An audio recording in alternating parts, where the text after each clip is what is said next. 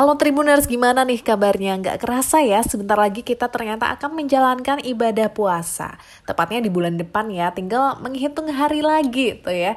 Nah, perilaku hidup sehat di bulan Ramadan harus dilakukan agar puasa kamu ini nggak lemas dan tetap sehat, Tribuners. Kamu juga harus mengonsumsi makanan dengan nutrisi seimbang saat puasa. Karena hal ini sangat diperlukan untuk menjaga daya tahan tubuh terlebih dalam situasi pandemi ya. Masih pandemi nih Tribuners, jadi tetap kita harus pintar menjaga diri kita sendiri agar nggak lemas nih saat berpuasa dan tetap sehat. Terus gimana sih tipsnya? Check it out. Nah, jadi yang pertama, kamu harus melakukan sahur ya Tribuners. Meskipun kadang mager gitu ya, kadang ngantuk, tapi daripada tubuh kita lemas dan gak sehat, mending sahur gitu ya.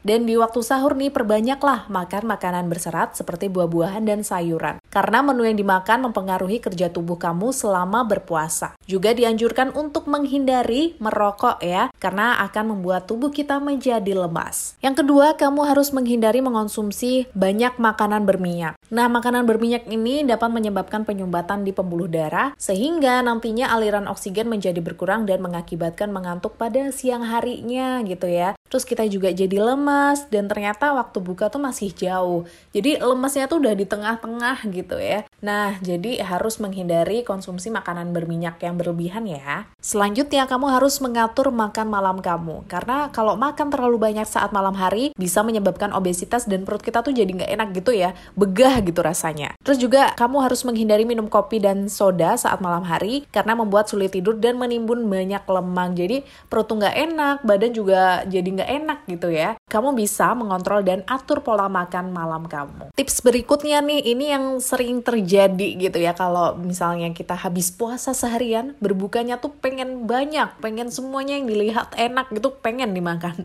Nah, ini harus dihindari. Jadi, kamu harus makan secukupnya saat berbuka puasa Tribuners.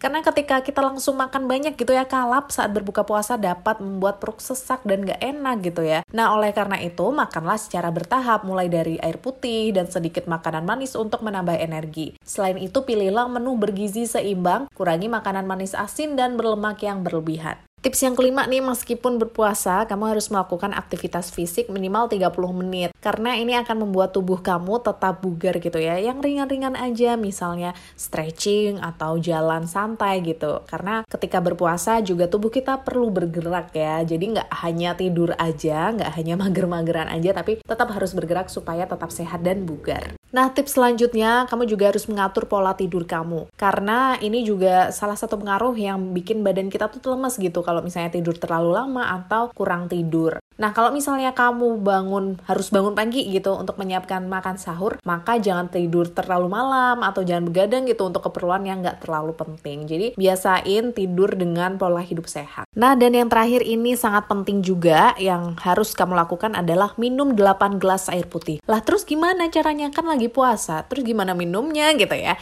Jangan khawatir. Jadi, ada pembagiannya Tribuners. Yang pertama nih, kamu harus minum setelah bangun sahur. Yang kedua, selepas sahur. Yang ketiga, minum saat berbuka puasa. Yang keempat, selepas sholat maghrib. Kelima nih, selepas makan. Keenam, selepas sholat isya. Dan selanjutnya selepas sholat tarawih dan sebelum tidur. Jadi, 8 gelas terpenuhi meskipun saat berpuasa dengan pembagian yang Devi sebutkan tadi. Jadi, jangan khawatir lagi ya. Nah, Tribuners, itu tadi informasi hari ini ya. Semoga bermanfaat untuk kamu. Tapi Devi harus pamit dulu. Sampai jumpa di podcast selanjutnya. See you!